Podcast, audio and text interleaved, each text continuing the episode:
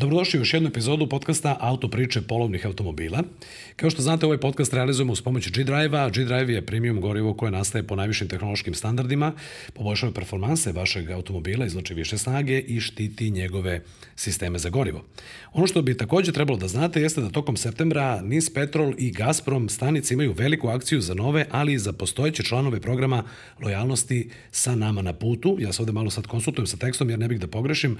Dakle, svi koji se u septembru učlane u program lojalnosti online i obave bilo koju kupovinu goriva, dobit će 500 dinara u vidu bonus poena, a tokom septembra dobijeći duple bonus poene za kupovinu G-Drive goriva i 50% popusta na G-Drive ledene kafe, G-Drive energetska pića i G-Drive žvake. Za postojeće članove akcija podrazumeva takođe duple bonus poene za kupovinu G-Drive goriva i 50% popusta na G-Drive ledene kafe, G-Drive energetska pića i G-Drive žvake. Ja mislim da je ponuda veoma korektna zato što je u septembru takođe i dalje toplo, pa eto pravi prilike da napravite pauzu i da se osvežite. E, gost ove epizode je gospodin Goran Aleksić, generalni direktor poslovnog udruženja drumskog saobraćaja i član izvršnog odbora Unije poslodavaca Srbije. Gospodin Aleksiću, dobrodošli. Hvala vam što ste odvojili vreme. Hvala, e, hvala još jednom što ste sa nama. E, mi uvek na početku volimo da predstavimo gosta. Vi imate, pa malo je reći, zanimljiv CV. Tako da slobodno, ovaj, za one koji možda nisu čuli za vas, slobodno obrazložite ovaj, zašto ste baš vi. Danas ovde mi imamo nekoliko tema o kojima ćemo razgovarati, koje se tiču upravo a, drumskog saobraćaja, zatim nekih izmena koje, koje su sada najavljeni, koje se dešavaju, ali prosto i vaš CV vas je nekako, kako, bi, kako bih rekao, a, odličan ste gost, upravo zato što imate mnogo iskustva u ne samo delatnosti transporta, nego ste nekako napredovali do te funkcije. Pa evo prilike da to kratko izložite. Pa, dobro, e, ja sam ovaj, ovde zbog saobraćaja. Apsolutno. A to što sam nekada radio me je kandidovalo da radim ovaj posao koji sada radim. I ovo što sada radim, verovatno će me kandidovati za neke naredne poslove koje će, kojima ću se baviti. Naime, ja sam Valjevac, Rođen sam u Valjevu, tamo učio i završio školu, radio u, po 10 godina u ozbiljnim trgovinskim sistemima i proizvodnim sistemima na poslovima logistike, marketinga i unapređenje sistema organizacije poslovanja i tokova roba kako gotovih proizvoda, tako i roba u nabavci. A, pet godina sam bio na vodećim pozicijama u jednom autobuskoj transportnoj firmi i već evo 13 godina sam uh, generalni direktor poslovnog udruženja drumskog saobraćaja Srbija Transport. Ja kažem da je ovo, da kažem nekako logičan sled kao što ste sami rekli, pa vas je predodredilo da uspešno obavljate ove druge funkcije, a zašto je to važno? Upravo zato što ste kroz taj vaš životni put imali priliku da prosto vidite i osetite i budete, što, kaže, što kažu, s obe ruke u tom poslu, od toga kako se formira, da kažem, neki proizvod, pa onda kako treba logistički dalje da ide, pa do toga kako se to onda kasnije distribuira. Pa ja sam završio saobraćeni fakultet u Beogradu, kod čuvenog profesora Riste Perišića koji je prvenstveno forsirao zdravu seljačku pamet i logiku. Znači, završio sam i ja sam završio logistiku i integralni industrijski transport. Kroz ceo svoj vek sam ono što sam naučio primenjivao i imao prilike da u svim firmama dobijem razumevanje i shvate da su troškovi poslovanja veliki problem i za trgovinu i za proizvodne sisteme i za svaki privredni sistem troškovi poslovanja su nešto što je veliki problem koji stvara konkurentsku prednost, koji stvara napredak na tržištu. Troškovi vremena, troškovi novca, troškovi resursa, znači svi ti troškovi su od izuzetne važnosti za uspešno poslovanje kako privrednog subjekta, tako i ovaj i tako i privrednog subjekta, tako i sistema u, u ovaj u kome funkcionišemo i u tom smislu ovaj je to što sam radio bilo uvek merljivo i novcem i rezultatom I ja sam, kao i svi moji saradnici, uvijek bili zadovoljni sa onime što sam uspevao da uradim. E, hvala još jednom što ste odvojili vreme da budete ovde kod nas. Ja ću za trenutak samo se vratim na početak. Prvu stvar koju ste rekli da ste se predstavili jeste da ste Valjevac, a između ostalog ste, mislim, i predsednik udruženja Valjevaca u Beogradu. Još uvek. Još uvek od nekih već šest godina. Nadamo se uskoro da će jedan kolega to preuzeti i tako dalje. Dobro, vidim, odmah, odmah se lice razvuklo osmeh, dakle, ponosni Valjevac, jer to je prvo što ste rekli. Pa Valjevci su ponosni na svoj grad, Valjevo je lep grad, ono što smo mi dugo godina se zalagali, već evo skoro 15 godina se sad realizuje, smatram da je infrastruktura jako važna za jedan grad, da završetak brze saobraćajnice od ovoga Miloša Velikog do Valjeva je od izuzetne važnosti za razvoj privrede, za podizanje standarda ovaj građana, tako da e, sa radošću su uvek kada idem u Valjevo gledam dokle je stiglo i kad li će biti i tako dalje. Jako volim ja da navratim Valjevo, ne dolazim dovoljno često, ali jako, jako lep grad, zaista. Valjevo ima dosta lepih stvari i kada je u pitanju kultura i kada je u pitanju priroda i kada su u pitanju ljudi i događaj i tako dalje. Odlično. Ovaj, jednom, jednom prilikom ćemo možda neki podcast samo o Valjevu. Ovaj, hvala vam na ome. E sad, e, dakle, kao što sam rekao, na glavni povod za za vaše gostovanje i za, za ovaj razgovor jesu predstojeće izmene zakona o bezbednosti saobraćaja na putevima i sve ostale važne teme koje se odnose na drumski transport. Ja samo na početku da vas pitam, pošto mi ovde imamo sa nama Stella Artois 00, koja je zapravo sjajan način da se na odgovoran način uživa u ukusu koji volimo, a da budemo bezbedni na, na putevima, da vas pitam šta za vas predstavlja bezbedna vožnja, kako vi pazite u saobraćaju na sebe i na druge? Pa saobraćaj je nešto što mi ne, ne biramo, nego smo na to upućeni i svako od nas, da li je bio pešak, vozač, profesionalni vozač, vozač bicikla, uh, lakog električnog vozila, motora i tako dalje, uh, mora biti odgovoran u saobraćaju. Nama nedostaje od vaspitanja u saobraćaju, nedostaje doza odgovornosti, empatije, odnosno tolerancije i to je nešto na čemu se svakako mora raditi. Ali ono što je izuzetno važno jeste da čovek, pored toga što je obučen i, i savlada određene veštine, mora biti odmoran, ne sme koristiti alkohol, mora voditi računa da bude vezan, da koristi ovaj kako se zove a, sigurnosne pojaseve, da ima ispravno vozilo, ali i da bude odmoran, posebno sad kad je bilo ovi letnji vremena, bilo je jako puno apela Ministarstva unutrašnjih poslova i Agencije za bezbednost saobraćaja i svi ti apeli su u interesu upravo ljudi koji upravljaju vozilom i a, što je, znači, posebno je važno da se ne koristi alkohol, jer to je a, veliki problem ljudi a, s, ovaj, posebno dok im se to ne desi, ude, udes, nezgoda i tako dalje. Hvala. E, hajde sad da, da pređemo na, da kažem, glavne teme. Dakle, do pre nekoliko nedelja stiče se utisak da šira javnost nije ni znala za podatak da Srbiji fali preko 20.000 profesionalnih vozača u a, e, sektoru transporta. E sad, poznata je činjenica da mi nemamo dovoljno vozača, ali ovaj broj deluje, nekako rekao bih, baš zabrinjavajuće. A, pa pre nego što krenemo da pričamo o tim najavljenim promenama i o sadašnjem trenutku, kako smo mi uopšte došli do toga da imamo toliki manjak vozača? Srbija već 20 i nešto godina pristupa Evropskoj uniji i čini da bi se usaglasila sa uh, direktivama Evropske unije. I u tom smislu je neophodno bilo, a i narednom periodu jeste, da se dobro sagledaju sve funkcionalnosti i da pristup uh, i da pravila koja se određuju budu usaglašena u potpunosti. Ovde mislim pre svega da je 2003. godine uh, po direktivi Evropske unije uvedeni principi a, obaveznog obrazovanja vozača, edukacije, podizanja nivoa značajan deo direktiva se odnosi na uređenje transportnog tržišta.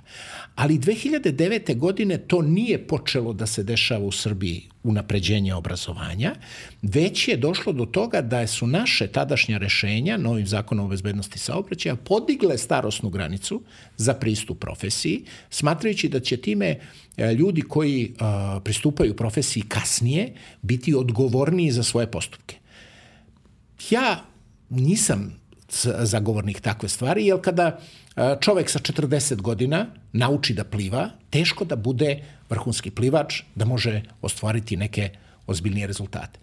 Znači, e, to pomeranje je dovelo do toga da su mladi ljudi kad završe srednju školu se opredeljivali za određene druge vrste poslova, da su nalazili sebe u nekim životnim pričama koje su nisu vezane za transport i da se malo ljudi opredeljivalo za posao profesionalnog vozača. U isto vreme, nekako tih godina, je dolazilo do toga da je smanjivane obaveze oba, služenja vojnog roka, i da je došlo do toga da je prestala obuka profesionalnih vozača u vojsci koja je bila izuzetno kvalitetna, koja je trajala 45 dana, koja je posle toga predviđala praćenje svakoga vozača, unapređenje njegovog znanja i tako dalje, privikavanja na vozila i sve ostalo.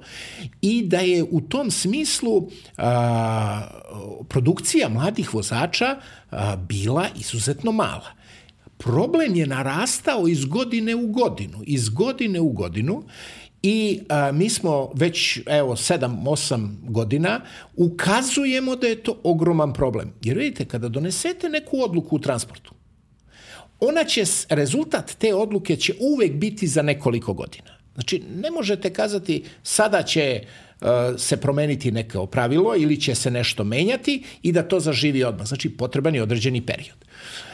Umeđu vremenu, Agencija za bezbednost saobraćaja je uspostavila izuzetno kvalitetnu stručnu obuku za stručnu profesionalnu kompetenciju profesionalnih vozača i a, stvorila sve uslove da možemo primeniti direktive koje su još 2003. uspostavljene, to je direktiva 2003 kroz 59, koja jasno i precizno definiše neophodne obuke za profesionalne vozače i mi mislimo da je to od izuzetne važnosti obrazovanje, vaspitanje, edukacija, isticanje veština za profesionalnog vozača su od izuzetne važnosti i sada se stvaraju uslovi da se snižava starostna granica za profesionalne vozače, ali smo mi došli do toga da nama nedostaje izuzetno veliki broj profesionalnih vozača. A, prema informacijama Agencije za bezbednost saobraćaja to je preko 20.000 profesionalnih vozača nedostaje, ali samo da napomenem, u Srbiji sa stručnom profesionalnom kompetencijom postoji 170.000 profesionalnih vozača i, a, a još jedna stvar je da je starostna struktura značajno porasla i profesionalnih vozača, prosječna, i da je a, a, mnogo veći nedostatak profesionalnih vozača autobusa, zato što je njihova starostna granica značajno veća, s jedne strane, a s druge strane zato što su zarade vozača autobusa niže nego vozača kamiona i onda kada se te stvari sagledaju, onda dolazimo do toga da da je nedostatak profesionalnih vozača u ovom trenutku alarmantan.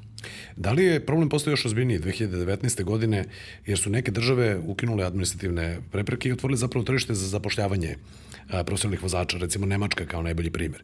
Zato što tamo negde, pričat ćemo o, tom, o tim brojima, i tamo negde takođe fale vozači. I onda mi imamo, em, ajde kažemo, ovaj kumulativni efekat da zapravo ljudi nisu bili toliko motivisani i zbog starostne granice i zbog ovaj kao što ste sami rekli ovaj skraćivanja ili gašenja da kažem vojne obuke i auto jedinica je kao što ste rekli u ovaj obučavala jedan veliki broj vozača pa onda još imamo to da su ti neki ljudi otišli da li to i koliko je to zapravo uticalo e, vidite transport u jednom društvu je e, sistem koji služi privredi, društvu i mobilnosti. Transport ne postoji sam zbog sebe, nego je u funkciji kretanja ljudi i robe.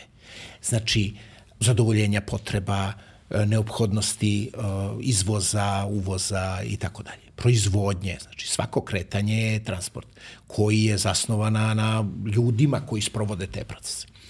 Interesantno je da je naša i demografska slika uticala smanjenje broja ljudi na, na, na, na, na, na broj profesionalnih vozača, a s druge strane u prethodnim godinama realno je došlo do povećanja procesa proizvodnje, otvaranja novih radnih mesta, izgradnja infrastrukture zahteva nove zaposlene i tako dalje. Znači, mi imamo smanjenje broja ljudi, a imamo povećanje zahteva za transportom. I u celom tom sistemu transport je potreban srpskoj privredi.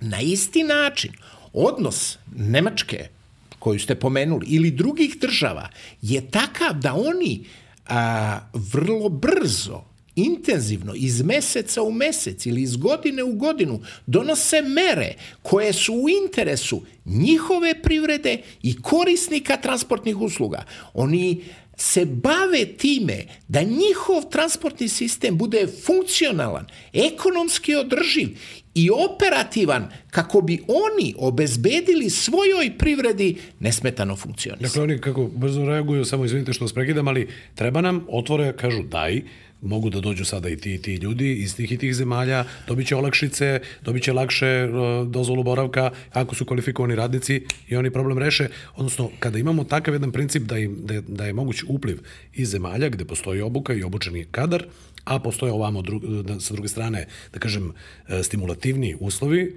onda ovaj pogotovo ako imate državu i upravu koja to brzo ovaj reaguje, oni lako otvore tu branu i onda se vidi taj odliv ne samo iz ove zemlje, nego pretpostavljam i iz nekih drugih zemalja. Naravno, Bosna i Hercegovina, Hrvatska, Bugarska i tako dalje. Znači, sve zemlje u okruženju su u prethodnom periodu imale intenzivan odliv stručne radne snage, znači oni su učili, edukovali, obrazovali i to sada neko drugi koristi. E, Srbija se sada nalazi u jednoj malo drugačijoj poziciji, iz razloga što su zarade profesionalnih vozača u Srbiji značajno veće nego u okruženju, s jedne strane. S druge strane, merama koje je vlada donela koji se odnose na gas, energetiku i tako dalje, troškovi komunalnih usluga ili troškovi života u Srbiji još uvek su značajno niži nego što je to u zemljama Evropske unije. I e, već sada se dolazi do neke mere e, gde e, profesionalni vozači koji odlaze znaju i da se vraćaju, jer e, oni koji odlaze sa porodicom, i tamo postoje dve plate. Oni imaju zaista uh, jedan komfor koji je bolji nego u Srbiji. Međutim, kada ode jedan čovek, on odlazi na vrlo visoke troškove. Ima život u kabini. Ne bi komu pere gaće, šta radi, s kim se dogovara, kako funkcioniše.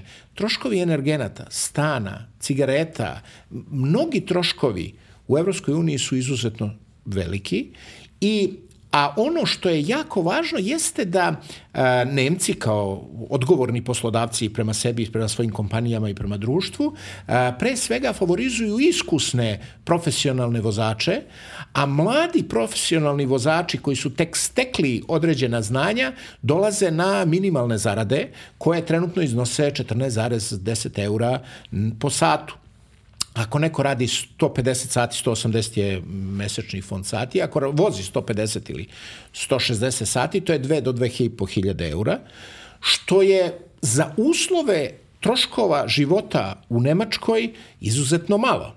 S druge strane, treba imati u vidu da ta zarada u Nemačkoj je daleko manja profesionalnog vozača nego mnogih drugih zanimanja u Nemačkoj i da je tamo standard o, drugačije Prosto postavljen. Više, su cene, da. Za razliku od Srbije, gde u Srbiji profesionalni vozač ima mnogo veću platu od mnogih plata drugih profesija u Srbiji, ovih, kako se zove, čak i dispečera u kompanijama, profesora, što je medicinskih što, radnika zato što i tako dalje. dispečer bi zapravo trebao da bude odgovorniji, on organizuje, a ovaj čovjek, da kažem samo, da se ne uredi neko, ali obavlja transport, ali bi dispečer trebao da bude više plaćen. Međutim, zato što je deficit i zato što su takvi uslovi, da, da naravno da poslodavac, onaj koji je organizator posla, treba da ima, mislim, ja gledam, kad gledate futbol, onaj ko je futbaler, on ima veliku zaradu i mi kažemo jako što ima veliku zaradu, ali njihovi menadžeri, ljudi koji su tamo imaju veće zarade. Mislim, hoću da kažem da je ta zarada a, postavljena ne prema obimu rada, nego prema obimu odgovornosti svuda u svetu i da to sada nije primer u Srbiji, ali se moraju stvoriti bolji poslovni uslovi, jer tu zaradu mora da isplati poslodavac i mora da organizuje svoju poslovnu delatnost u smislu prevencije kada je u pitanju bezbednost, u smislu dobre organizacije kada je u pitanju rad, u, u smislu dobrog e, odnosa prema vozilima i prema ugledu kompanije, u uh, smislu kada su u pitanju izbori ljudskih resursa i tako dalje. Znači, sam sistem uh, uh, poslovanja u transportnoj kompaniji, da li autobuskoj ili uh, kamionskoj, uh, mora biti usklađen sa razvojem kompanije i moraju se stvoriti uslovi da u saobraćenim kompanijama uh, se obezbedi ekonomsko održivo poslovanje i mogućnost da te zarade rastu, a sigurno će rasti u narednom periodu. E, kakva je dakle danas situacija na, na teritoriji EU? Dakle, pominjali smo upravo Nemačku i sad neki podaci kažu da tamo fali dalje 100.000 vozača, neki podaci za Veliku Britaniju kažu da fali 180.000. I ako i dalje budemo imali tu diskrepancu, vi ste upravo objasnili da se neki ljudi vraćaju, neki odlučuju da ostanu. A, šta možemo da kažemo kada uporedimo ove cifre? Da li ćemo, dakle, mi dalje imati neku, neku vrstu problema dugoročno, zato što, kao što ste rekli pre nekoliko minuta, dakle, sve što se menja u transportu ne može se videti promena odmah, pogotovo sada sa ovom opet promenom starostne granice, o čemu ćemo upravo da pričamo.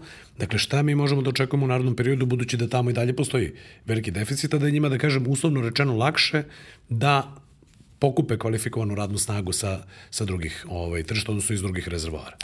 A, e, ja to gledam na jedan drugačiji način.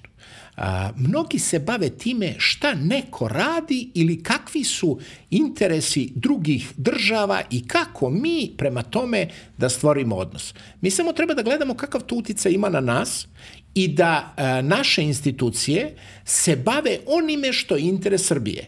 Svakako da e, se iz meseca u mesec ili iz godine u godinu a, olakšavaju mogućnosti pristupa a, tržištu a, radne snage u zemljama Evropske unije.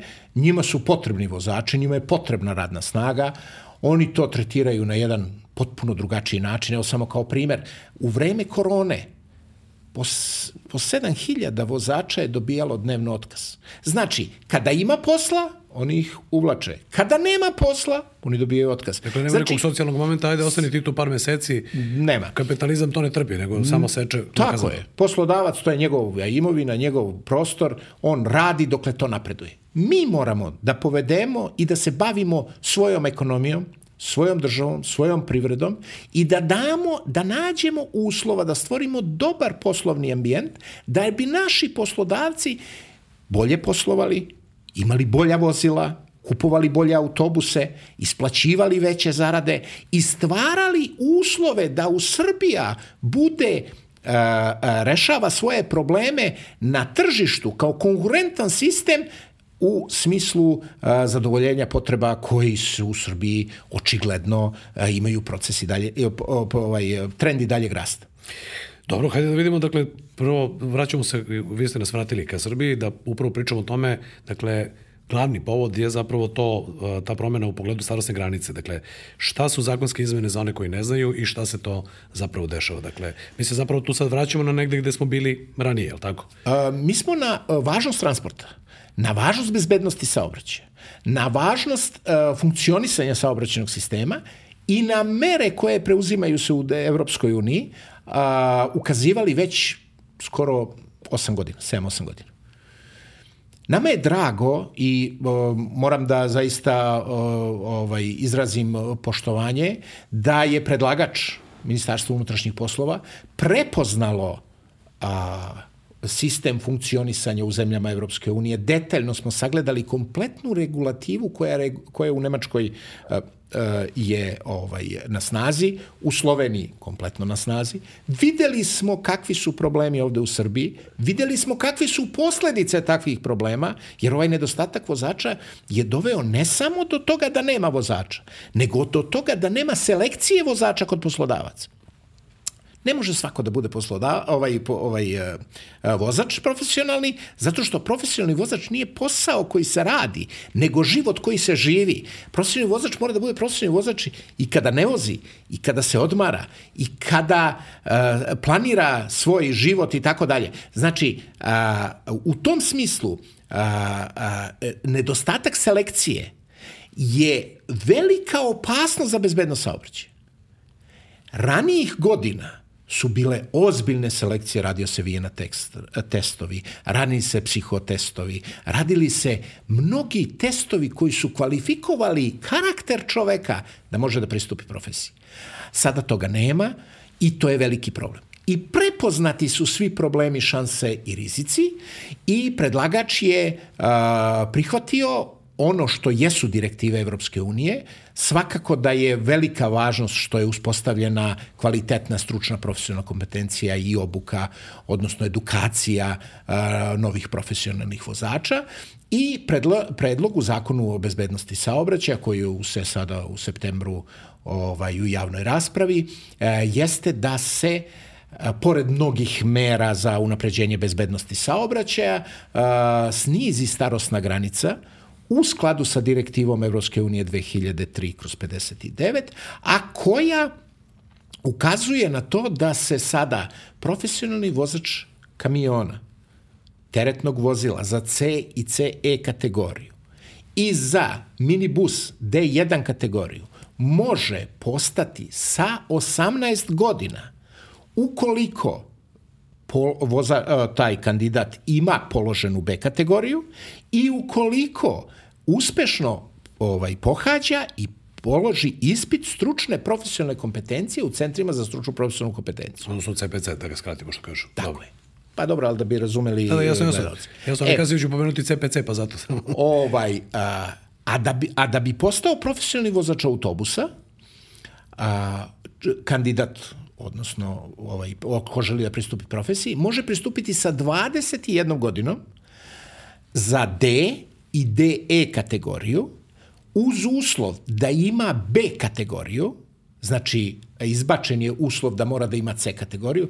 Inače, samo da kažem da je taj uslov za C kategoriju još iz 80. ili 70. godina, kada su teretna vozila i autobusi imali međugas, to sad ovi mlađi ljudi ne da, znaju kako to izgleda, slično, slično, ali kada prelazite iz jednog, može kvačilo, gas, kvačilo i tako se menjala brzina I taj sistem smirivanja vozila, odnosno ravnomernog voženja je morala da se vežba i da se trenira. I zbog toga i postoje taj sled, da tako kažem. Tako je. Sada toga nema, znači sa 21 godinom se polaže za D i DE kategoriju uz uslov B kategorije i položen stručni uh, uh, obuka i stručan ispit za stručnu profesionalnu kompetenciju. Znači, a, daje se veći značaj obuci, edukaciji, obrazovanju, vaspitanju, promenu stavova, odnosa prema poslu, vozilu, korisnicima usluga, dokumentaciji i poslodavcu. Znači jedna izuzetno kvalitetna obuka koja je na vrlo visokom nivou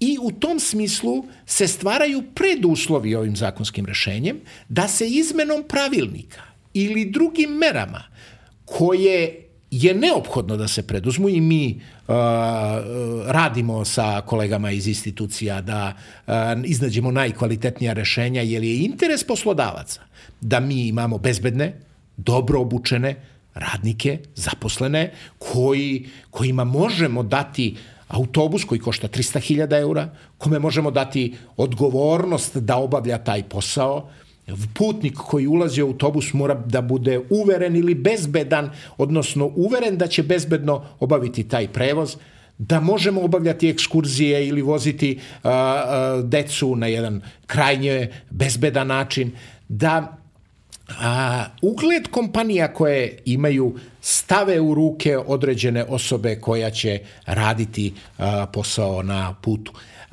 I u tom smislu se nadamo da će se preduzeti mere, ali ono što mislimo da je neophodno jeste da država mora naći model da subvencioniše obuke mladih ljudi, stari, mlađih od 30 godina i da im plati kompletan proces obuke taj iznos nije mnogo veliki ako se ima u vidu da recimo kroz srednju saobraćenu školu se tri godine svakoga dana ide u školu, plaća se profesor, učionica škola, znači te tri godine koštaju ovu državu mnogo mnogo više nego taj obuka. Da je obuka koja je bila u vojsci 45 dana od uniformi, od dela, hrane, puške, gađanja, korišćenja obuka, oficira i tako dalje, da je taj sistem obuke mnogo više koštao nego što sada jeste i sve je to zaista neophodno da bi u ovoj državi imali profesionalne vozače koji, kažem opet, nisu u funkciji transporta, nego su pre svega u interesu društva, privrede i korisnika usluga. Tako da, da se nadam nadamo da će ta subvencija biti uh, ovaj uh, krajnje ovaj prihvaćena. Mislim da tu e, ne, ne verujem da tu će biti ovaj je to je jako korisno za naše društvo. Posebno što recimo kroz te CPC centre bi trebalo na godišnjem nivou da se obuči negde oko 3000 ljudi. Tih 3000 ljudi to je relativno mali iznos za državu na godišnjem nivou a ogromna korist za društvo Vratit ćemo se ponovo na, na, taj, na taj broj i prosto kako, kako izgleda to školovanje. Te sam samo dakle, da izvučem zaključak. Pošto smo rekli, ovaj, to jest rekli ste pre nekoliko minuta da ovaj stari plivač nikad ne može da bude vrhunski plivač ako uči u 40 i, i kusur godina. A, s druge strane, polažemo mnogo na obuku, a opet ja kažem, lajku bi se možda učinilo, aha, dakle, vozit će nas nešto manje iskusni vozači. Dakle, polažemo na to da će ta obuka da zaista bude vrhunska, najbolja moguća, dakle, će biti stručno osposobljeni i da imamo osobu od 21 godinu koja od jedan put sada vozi 52 čoveka ili više ovaj, u autobusu. Da li će to utiče, uticati na bezbedno saobraćaj ili neće? U smislu, da li može negativno da utiče? Uh, okay. I svega što ste rekli zaključujem znači, da, da, ajde, ajde da ne sumnjate da će biti sve kako treba. Ali... Ne, ja mislim da će biti drastično bolje. Znači, vi sada imate penzionera veliki broj koji se bave, koji voze. Imate uh, ljude koji uh, su na neki način uh, ovaj, uh, kasno. Interesantno da recimo za D kategoriju pristup profesiju su uglavnom stariji ljudi koji uh, su možda negdje izgubili posao ili su nekako uh, smatraju da većo, veću zaradu mogu ostvariti kao vozači autobusa, što i jeste u odnosu na mnoge poslove, i kao stariji vozači dolaze. Oni nisu savladali određene veštine. Treba im određeno vreme da bi to moglo da rade. Njihovi refleksi nisu... Vidite, kada je neko mlad čovek, mladi ljudi se treniraju. Mladi ljudi su sposobni da dalje uče, da stiču određene veštine, da unapređuju svoje znanje, da a, mlad čovek sa 18 godina svuda u svetu je spreman za da ratuje, da ide da nosi pušku. Za svaki posao je spreman i jako je bitno da nakon određenog školovanja on usavrši određene veštine koje će dalje obavljati na kvalitetan način. Tako da e, ja iskreno verujem da bi mladi ljudi, da su poslodavcima mladi ljudi daleko poželjniji, a posebno što mi u transportu imamo e, značajno unapređenje e, novih inteligentnih rešenja, digitalizacije. U drumskom transportu prošle godine je uvedena fiskalizacija, mnogi stariji ljudi teško savladavaju te uh, procese ili te obaveze, a mlad čovek je nekako spreman da uči i željan da se dokazuje i napreduje u svom životu i u tom smislu uh, mislim da su mladi ljudi daleko poželjniji. Posebno treba imati u vidu, obzirom na odgovornost poslodavaca, oni će završiti izuzetno kvalitetnu obuku, sad ćemo reći šta se tu dešava, ali ono što je jako važno, ti mladi ljudi kada dođu u firmu, kao i svaki novi zaposleni, prolaze određeni period selekcije, prilagođavanja sa starijim vozačima, sticanja određenih rutina, vozila, upoznavanja sa vozilima i tako dalje. Znači, prolaze period od par meseci gde poslodavac sa svojim kolegama sagledava mogućnosti i veštine koji to ovaj e, koje će taj mladi čovjek imati. Interesantno je da je direktivom Evropske unije data mogućnost da sad, za D kategoriju, za autobus, se može polagati i pristupati profesiji sa 18 godina, ali samo u gradskom i prigradskom saobraćaju gde su male brzine, gde je brzina do 50 km na sat, gde su a, česta zaustavljanja i tako dalje. Znači, taj problem nedostatka profesionalnog značaja je prepoznat i na vrlo brižljiv način kreirane te i godine i obaveze i zdravstvene sposobnosti i tako dalje. Rekoh, transport je najuređenija delatnost na internacionalnom nivou i mi samo primenjujemo to, ali je jako važno da i ovaj proces edukacije, evalu, ovaj, e, e, edukacije kroz CPC centre evaluiramo i unapredimo u skladu sa novim zakonskim rešenjima i dobrom praksom iz Evropske unije kako bi obezbedili kvalitetne, stručne i pouzdane profesionalne vozače. Sada da se vratimo kratko na, na ove brojeve i na to šta se zapravo dešava u toj obuci. Dakle, u obrazloženju izmena zakona koje smo mogli da pronađemo na, na sajtu Vlade Republike Srbije, navodi se da je drumskom saobraćaju potrebno dakle, najmanje 4000 profesionalnih vozača na godišnjem na godišnjem nivou, da je po generaciji. Starost, po generaciji. Tako e, je. Da je prosječna starost profesionalca u ovoj branši 55 godina, to je upravo nešto što smo malo čas spominjali, na jedan Tako način je. je dakle da prijavu za sticanje sertifikata o toj stručnoj kompetentnosti koje je uslov da bi neko mogli da se bavi ovim poslom podnese godišnje samo 700 vozača kao i da je veća potreba za vozačima D u odnosu na C, C kategoriju. Šta možemo da kažemo o brojevima i uopšte o tome šta naše škole izbacuju, koliko zapravo ljudi mi možemo da obučimo godišnje i šta možemo u tom smislu da, da očekujemo? Ovaj, Da, na, nama, e, mi imamo preko 170.000 profesionalnih vozača. Ako je radni vek jednog čoveka 40 godina, a često nije, mislim, radni vek kao profesionalni vozač. Često nije nekada taj vozač kao dobar i stručan i odgovoran čovjek prelazi da bude dispečer, nekada prelazi u neke druge profesije, nekada mu se dese neke životne priče pa prestane se baviti time ili ode u inostranstvo ili promeni svoju profesiju unapredi svoje obuke i obrazovanje. Znači, da bi, ako se taj broj promeni za prostu reprodukciju, nam treba 40.000. Znači, 4.000 godišnje za 40 godina. Ako je radni vek, znači 4 puta 40, 160. To je jedna stvar. Druga stvar, preko 30 procenata profesionalnih vozača sada u Srbiji je stariji od 50 godina. A samo manje od 10% je mlađe od 30 godina. Znači, mi imamo jedan proces koji neminovno uh, odvodi određene ljude iz profesije sa njihovim godinama, što sada moramo nadoknaditi sa mladim ljudima. Tako da je uh, to ono što je potrebno. Srednje saobraćene škole, ima ih 28, i upisuju nešto malo preko 1000 profesionalnih vozača na godišnjem nivou, a negde oko 1000 profesionalnih vozača završava po generaciji. Znači, jedna hiljada izlazi iz srednjih saobraćajnih škola. Nedostaje nam tri hiljade profesionalnih vozača koji moraju se obučavati kroz početnu obuku stručne profesionalne kompetencije. I to je nešto što se mora dešavati u Srbiji. Ovaj podatak koji ste rekli za 700 vozača, mi smo u prethodne tri godine imali vreme korone, imali jedan period uh, rata koji je se desio. Imali smo jedan situaciju koja je, uh, uh, ajde da kažem, nestandardna. Ali ona u velikoj meri uticala na odluke ljudi da pristupe profesiji. Nama je za, za tri godine kroz Centar za stručnu profesoru kompetenciju pristupilo, odnosno prošlo obuku 700.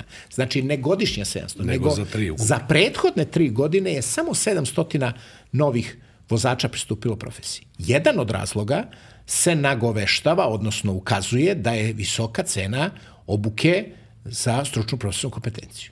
Ta obuka košta 120.000 bez PDV-a. To je 1000 eura, ajde tako da kažem. To je 140 časova. Nekoga ko želi da tu obuku prođe, to je 140.000, to je 1000 po času.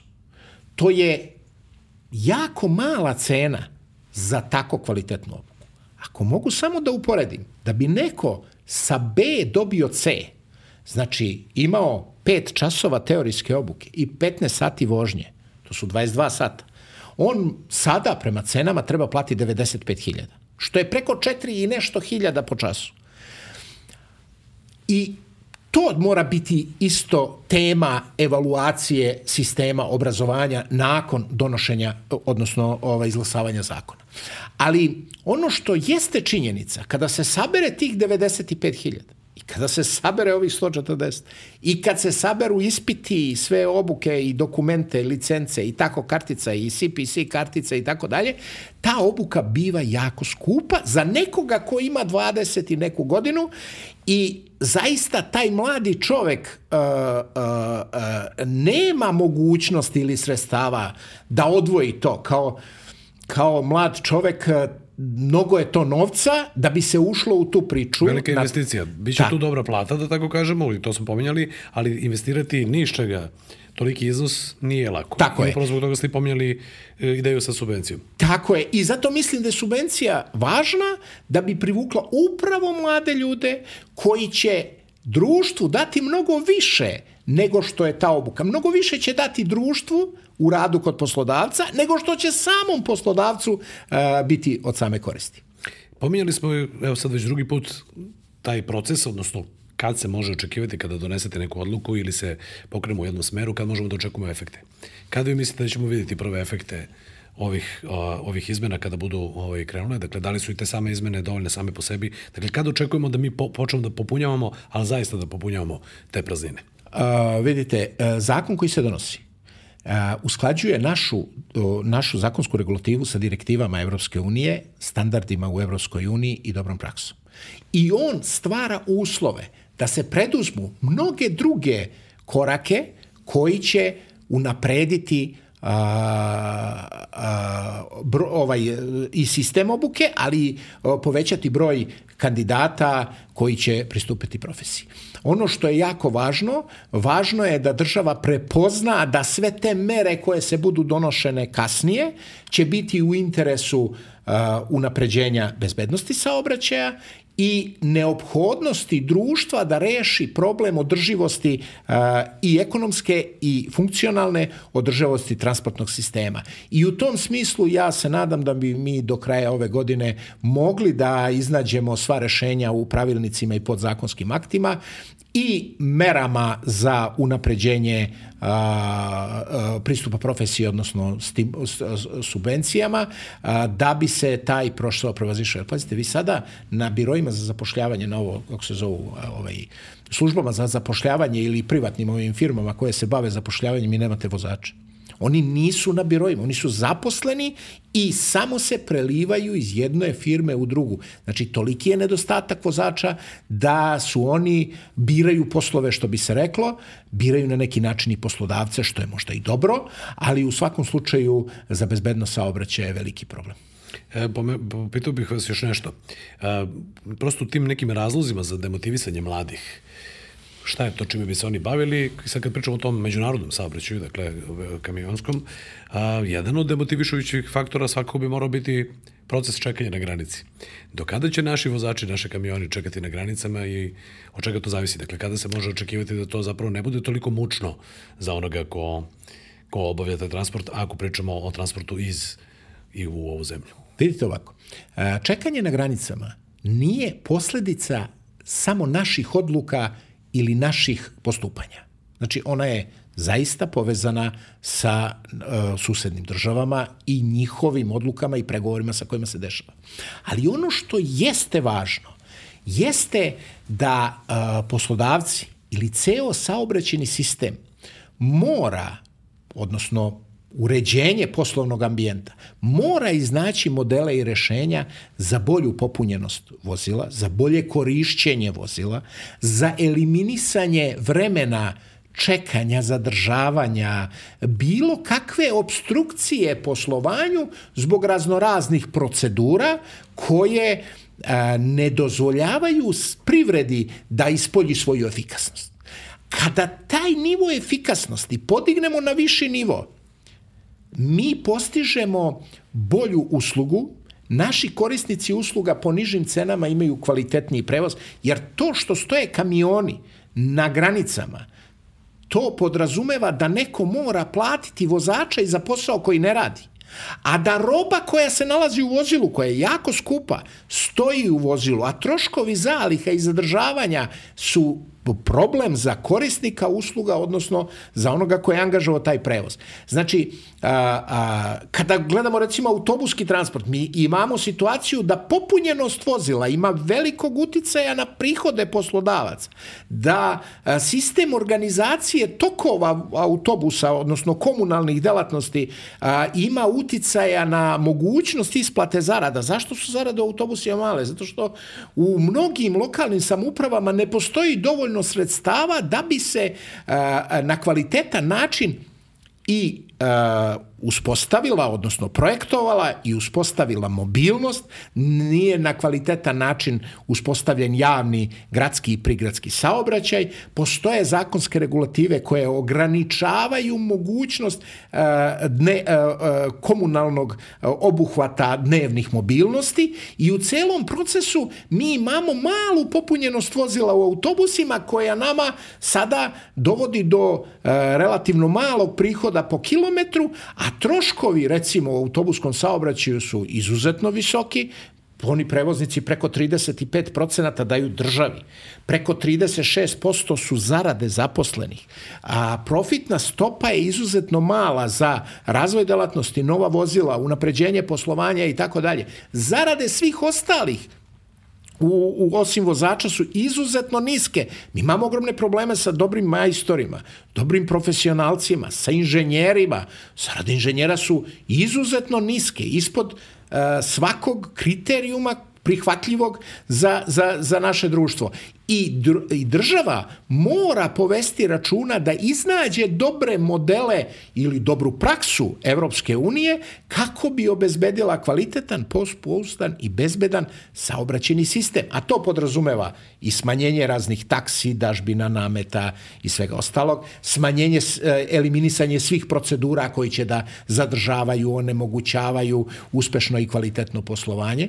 Nismo e, sada je u procesu već nekoliko godina uh, pokušavamo da objasnimo i sada je u procesu uh, sagledavanja naša inicijativa za uh, uređenje akcize na evrodizel gorivo za firme koje se komercijalno brave transportom. Svuda u Evropi. Ta akciza u skladu sa direktivom 2003 kroz, 2, kroz 96 reguliše da akciza za transportne svrhe za legalne komercijalne prenos, prevoznike iznosi 330 eura na 1000 litara. Kod nas je 50,12, što je 400 i nešto eura. Znači, nama uh, te dažbine plaćaju prevoznici, a imamo nižu cenu transportne usluge nego što je to u Evropi i imamo veća zadržavanja nego što to oni rade. I onda dovodimo u situaciju da jedan sistem koji je potreban privredi ne može kvalitetno da posluje. A ako on ne radi kako valja, onda mobilnost nije kako valja, onda nema kvaliteta života, onda imamo ruralna područja, onda se rešenja prave neka koja su skuplja nego što bi trebalo, onda nam nije konkurentna izvozna privreda jer stoji roba a, o, I onda imamo situaciju da je e, transportni sistem e, neodrživ, ni ekonomski ni funkcionalno. S jedne strane problemi nedostatka resursa koji se zove e, radna snaga, s druge strane velike dažbine i takse, pa je, kako se zove, učešće goriva izuzetno visoko. S treće strane, e, stopa EBITDA koja daje amortizaciju, profit i neki uslove za razvoj je izuzetno niska i mi a, a istovremeno imamo izuzetno visoke logističke troškove i imamo sistem koji ne daje perspektivu razvoja društva, ne sistema, ne daje perspektivu održivosti sistema, jer zarade će i dalje rasti, one će urušavati saobraćeni sistem da li po, po, po, po, ovaj, po sistemu troška ili po sistemu nedostatka zaposlenih i mi imamo ozbiljan problem. I mi se nadamo da će transportni sistem biti sagledan ili kvalitetno uh, postavljen da bude u funkciji razvoja, daljeg razvoja Srbije i daljeg podizanja nacional, bruto nacionalnog dohodka. Dakle, tu su nam potrebne određene promene, odnosno malo više sluha. E sad, pomenuli ste e, prosto sve ove dažbine i e, administrativne procedure. Tu moram da vas pitam prosto vezano za ukidanje hologramske nalepnice, e, e koje kažu da je prilično obradovala vozača kamiona i autobusa. Da li su hologramske nalepnice dale neke rezultate, ovaj, da li je dobra odluka što su ukinute? Govorimo o hologramskoj nalepnici za tahograf. Profesionalci koji ne slušaju i gledaju znaju o čemu se radi. Dakle, otprilike je Srbija bila možda jedna od redkih, ako ne jedina zemlja na svetu koja je koja je to imala. Da li je to dobra odluka, da li to pozdravljate, da li je to još jedan vid olakšice u tom smislu da se, da se smanjite prosto broj nameta i administracija? Pa vidite, poslovavci stalno ukazuju na mnoge takse, dažbine, procedure ili neke uh, stvari koje troše ili vreme ili novac, a za koje mi ne prepoznajemo uh, potrebu da neke stvari uh, budu ovaj uh, na taj način regulisane. Uh, što se tiče hologramske nalepnice, one su bile jednom periodu obaveza, za sve uh, srpske prevoznike, ali i za prevoznike koji su prolazili kroz Srbiju. A, državne institucije su prepoznale a, da to nije neophodno, to je ukinuto što je privreda pozdravila. U svakom slučaju, mi smo stalno u kontaktu sa našim ministarstvom građevinarstva, saobraćaja infrastrukture i gde god se pojave neke stvari, da li moramo da plaćamo parking za koji ne koristimo, da li a, moramo da plaćamo neku dozvolu za koja, koja nije potrebna? Da li uh, pokušavamo da iznađemo načina da, uh, da, da se naše ministarstvo, odnosno institucije, digitalizuju na dovoljno kvalitetan način, da se povežu sa drugim institucijama, da mi ne moramo vaditi potvrde iz banke da smo nešto platili, pa ta uplata košta 350 dinara, a potvrda iz banke 1500. Pa je to trošak za nas i vremena da ode, da se podigne i da udari pečat tamo neki administrator, pa da se donese i tako dalje. Da se mnogo mnogo više koristi digitalizacija, da se više koristi elektronska komunikacija, da se zaista unapredi uslovi poslovanja prevoznika da ne mora neko da dolazi da bi podizao neki dokument, pa da li on iz Ivanjice ili iz Vranja ili iz Negotina, pa onda mora da plaća nekoga ovde ko bi to samo preuzimao i radio, za razliku od nekoga iz Zemuna ko dođe tu i to reguliše. Znači, moramo iznaći modele i e, načine poslovanja koji su u interesu poslodavaca i drumskog transporta, koji omogućavaju zakonito poslovanje, znači sprovođenje svih mera, naša digitalizacija u vlade Republike Srbije i u lokalnim institucijama i u bankarskom sistemu je dra, značajno napredovala. E, mislim da tu postoji veliki prostor za unapređenje transportnog sistema. Posebno što mi sada radimo na e-vozilima, na novim vozilima bez voz vozača, na novim rešenjima, jer mi ako budemo išli u korak sa rešenjima koja postoje u svetu, mi možemo biti konkurentni sutra, jer danas se donosi odluka koliko ćemo biti uspešni u narednom periodu. Kao što smo rekli, jer potrebno je vreme da se efekti vide. E sad da vas pitam, pitam nešto, pomenuli ste malo čas kratko javni e, gradski transport, ovaj, svedoci smo da su se, konkretno sad pričamo o glavnom gradu, da su se pojavili vozači stranci u, u našoj zemlji. Ovaj, jasno je dakle, oni dolaze u smislu ne iz koje zemlje, nego dolaze zato što mi imamo deficit. Međutim, ovaj, pitanje je da li su prošli neku dotnu vrstu obuke, testiranja, da li to do kraja bezbedno rešenje. Pretpostavljam da niko nije tek tako zaposlio neke vozače ove iz drugih zemalja koji, koji nisu prošli neku vrstu, da kažem, provere tog e, znanja. Kada je dolazak stranih profesionalnih vozača u Srbiju, tu moram da napomenem da je Srbiji za sada problem da dovede vozače iz susednih zemalja, pošto oni rešenja još uvek traže u drugim državama. Ali kako sam rekao, ukoliko napravimo dobre modele i rešenja, možemo i na taj način rešavati probleme nedostatka profesionalnih vozača u Srbiji. To se za sada, koliko znam, van toga što ste me pitali, dešava sa recimo vozačima iz Turske, koji rade na određenim projektima, putevima, ovaj, kako se zove, građevinskim i infrastrukturnim.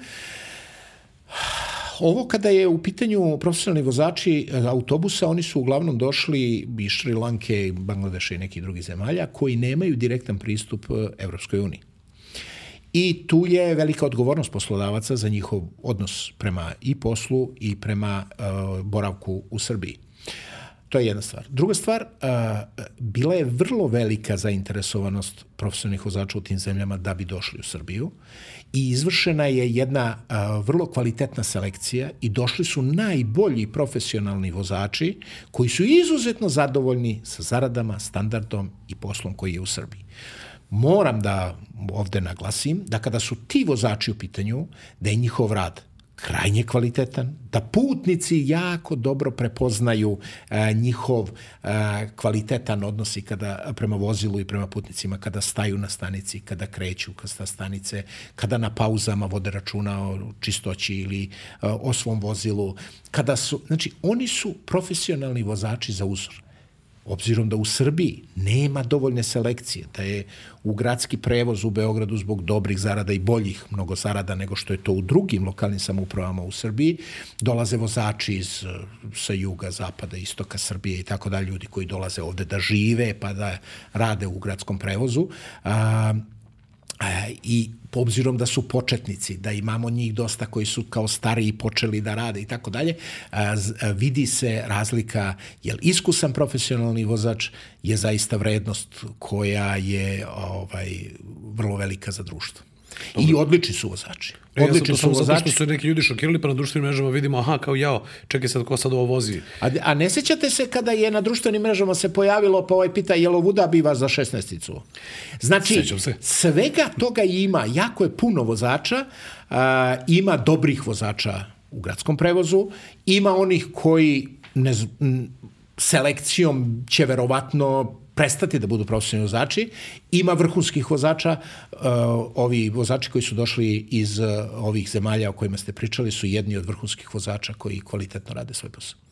Hvala na ovom razrešenju. E, da se radimo još na trenutak na izmene zakona. Dakle, tu sad postoji još jedna stvar koja se nije dogovorilo, a to je da e, će biti poštena kazna za one koji ne poštuju znak obavezan smer, odnosno usmerenje da se kreću autoputem, a ne putovima nižeg reda kako bi izbegli eventualno plaćanje putarine. Jer konkretno, dakle, za celu deonicu autoputa Subotica Beograd-Prešovo, to iznosi 14.470 dinara, kada pričamo o, dakle, o, o kamionu. Dakle, e, predlaže se najviša kazna u skladu sa zakonom o prekršajima od 50.000 dinara, koja ako se plati u roku od 8 dana od dana prima kazna iznosi 25.000 dinara. Dakle, važno je da kazna bude zapravo veća od iznosa putarina kako bi imalo uopšte efekta na lice. Dakle, da li, da li ovaj, je mera, ovaj, u kojoj meri zapravo možemo da kažemo da vozači pokušavaju da izbegavaju na plaćanje putarine? Pa vidite, da o, o, o, o tome je se razgovaralo i uh, tokom prošle godine i tokom ove godine. Mi smo imali nekoliko sastanaka sa predstavnicima uh, predlagača zakona, ali i sa našim ministarstvom građevinarstva, saobraćaja infrastrukture. Mi smo zdušno podržali tu meru. Smatramo je uh, jako važnom za naše društvo.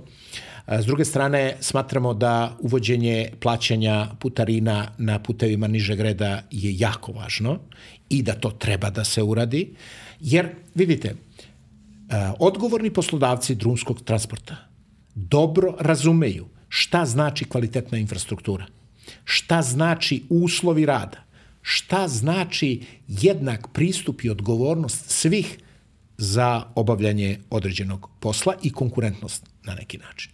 Nama je u interesu da imamo kvalitetne autoputeve, da imamo kvalitetne magistralne puteve, da imamo dobre parkinge, da imamo kvalitetna odmorišta, da imamo uh, brz prolazak granica, znači da se digitalizujemo. Znači, nama je u interesu da dobro radimo svoj posao na putevima koji su bezbedni i kvalitetni.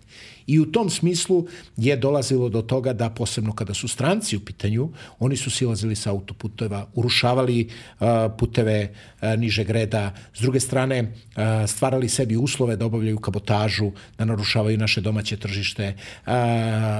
Ono što jeste ti svi koji prolaze u tranzitu bi trebali da prolaze određenim graničnim prelazima. Mi sada imamo znak da u Šid ne možete skrenuti kroz grad i onda se ogromna kolona stranih vozila prolazi kroz sam grad koji je ogroman problem za, za grad, za bezbednost, za sve ostale. S druge strane, blokiraju na šidu bi trebali da prolaze samo vozila Srpska i Hrvatska, odnosno da taj uh, promet bude, uh, posebno kad su te dve države favorizovane na tom prelazu, tranzitna vozila imaju svoje procedure, prošireni, urađen, kvalitetan prevoz, ovaj granični prelaz. I u tom smislu a, organizacija sistema tokova vozila je od izuzetne važnosti i mi to pozdravljamo i mislimo da će to biti od velike koristi i za infrastrukturu, i za društvo, i za transportnu privredu pre svega u ovom trenutku u našem podcastu mislim da odavno nas ne sluša možda ovaj više ni jedan like, ali samo da objasnimo šta je to kabotaža za one koji ne znaju. Ajde ovako. Kabotaža je strogo zabranjena zakonom i odnosi se kada prevoznik iz druge države uh, uzima robu, tovari robu u Srbiji i vozi je negde u Srbiji. Znači, o, na osnovu određenih dozvola, ukoliko postoje, ili bilateralnih sporazuma, strani prevoznik dolazi tovari u Srbiju, vozi u susednu državu ili negde na drugo mesto. Unutar Srbije taj posao mogu da rade samo domaći prevoznici, svuda, pa i u Srbiji. Hvala. Kaže, verujem da u ovom trenutku slušaju zaista većinom profesionalci, tako da oni znaju taj termin, ali eto čisto da objasnimo za one koji možda ne znaju. A, za kraj našeg razgovora pitao bih vas još nešto. Dakle, počinje, počela školska nova godina, uskoro kreću ekskurzije.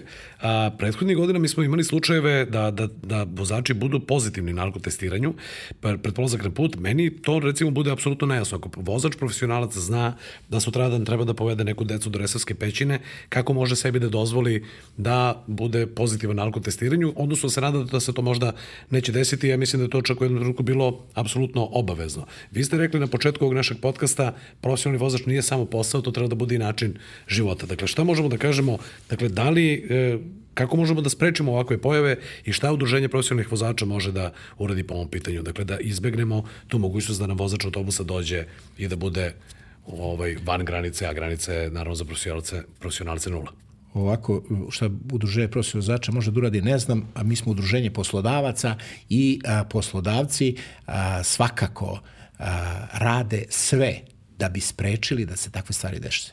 To je prva stvar. A, druga stvar je da sada kada su ekskurzije u pitanju je obavezno alkotestiranje obavezan lekarski pregled ne stariji od godina, a, obavezan tehnički pregled vozila. Znači, a, kontrola je izuzetno kvalitetna. Kontrola je na svakom vozilu, ne da proverava pa neko hoćemo, neko ne. Znači sva vozila se. Organizator prevoza dece.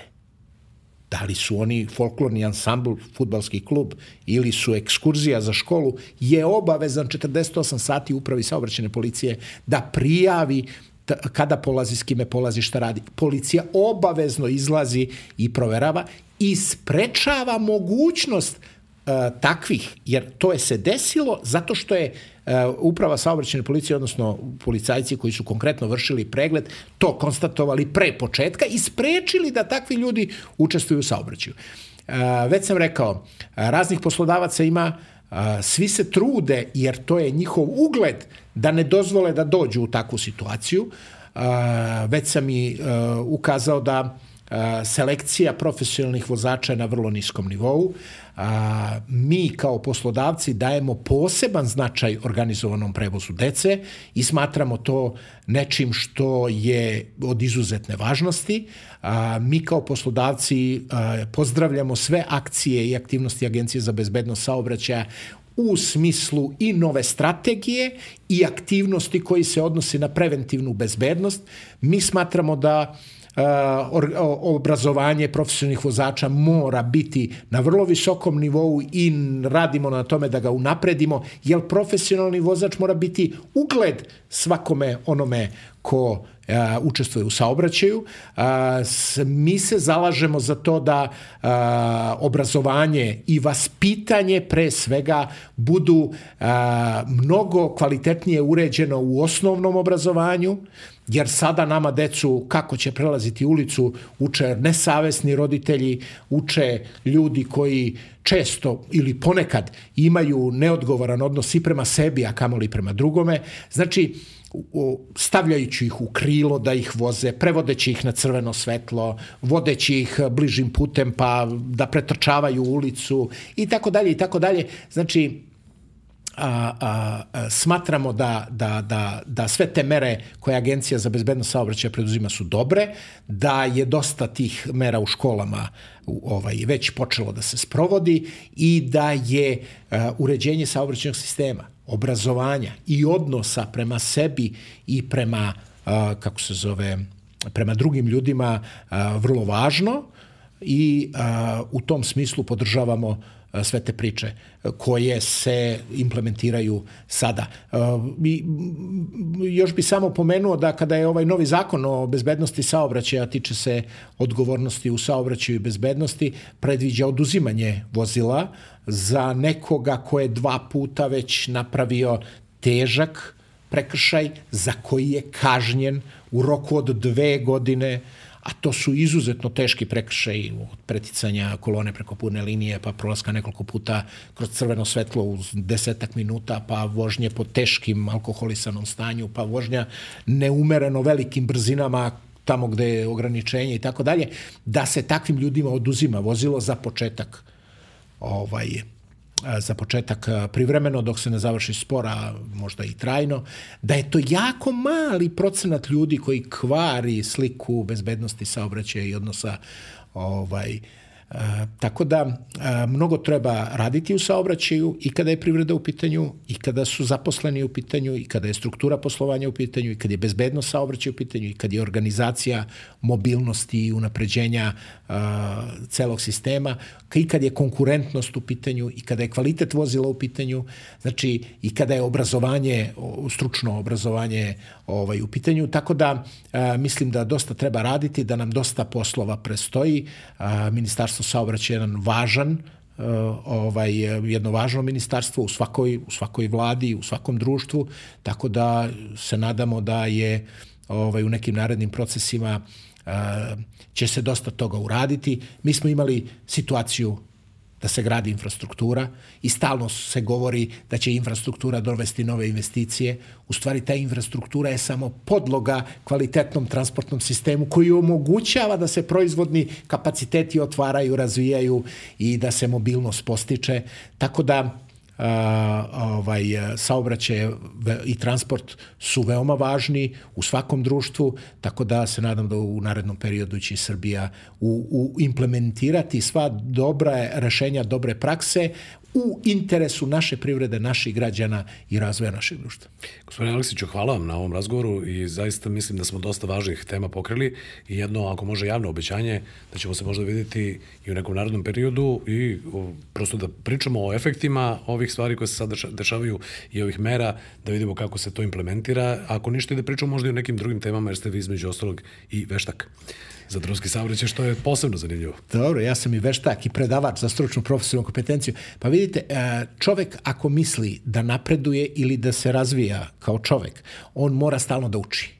I e, jako je bitno stalno se edukovati, i to poslodavci stalno podstiču i ima dosta tih stvari i tih seminara i ovaj strukture prakse i tako dalje. E, mi radimo veliki broj analiza e, što se tiče i vozila i cena i e, struktura poslovanja i tako dalje. I dajemo ogroman značaj obrazovanju, dajemo ogroman značaj digitalizaciji, digitalizacija je jako važan segment u transportu, tako da će mi biti zadovoljstvo da mogu da iznesem neke stvari koje su od opšteg interesa i interesa transporta, ali i opšteg interesa za društvo. Hvala još jednom i hvala unapred. A hvala i vama na gledanju, kao što ste slušali i kao što znate, dakle, e, gost ove epizode podcasta Auto priče, gospodin Goran Aleksić, generalni direktor poslovnog udruženja drumskog saobraćaja i član izvršnog odbora Unije poslodavaca Srbije. Ne zaboravite da ovaj podcast realizujemo uz pomoć G-Drive-a. G-Drive je premium gorivo koje nastaje po najvišim tehnološkim standardima, poboljšava performanse vašeg motora i štiti sisteme za gorivo i naravno ne zaboravite ono što sam rekao na početku ove epizode, a to je da u septembru imate uz uh, program lojalnosti sa nama na putu 50 uh, od 100 popusta na ledenu kafu, G-Drive na energetske napitke G-Drive i žvake G-Drive, a naravno tu su i dupli poeni za natočeno gorivo. Slušamo se i gledamo se u novoj epizodi podcasta Autopriče. Hvala vam.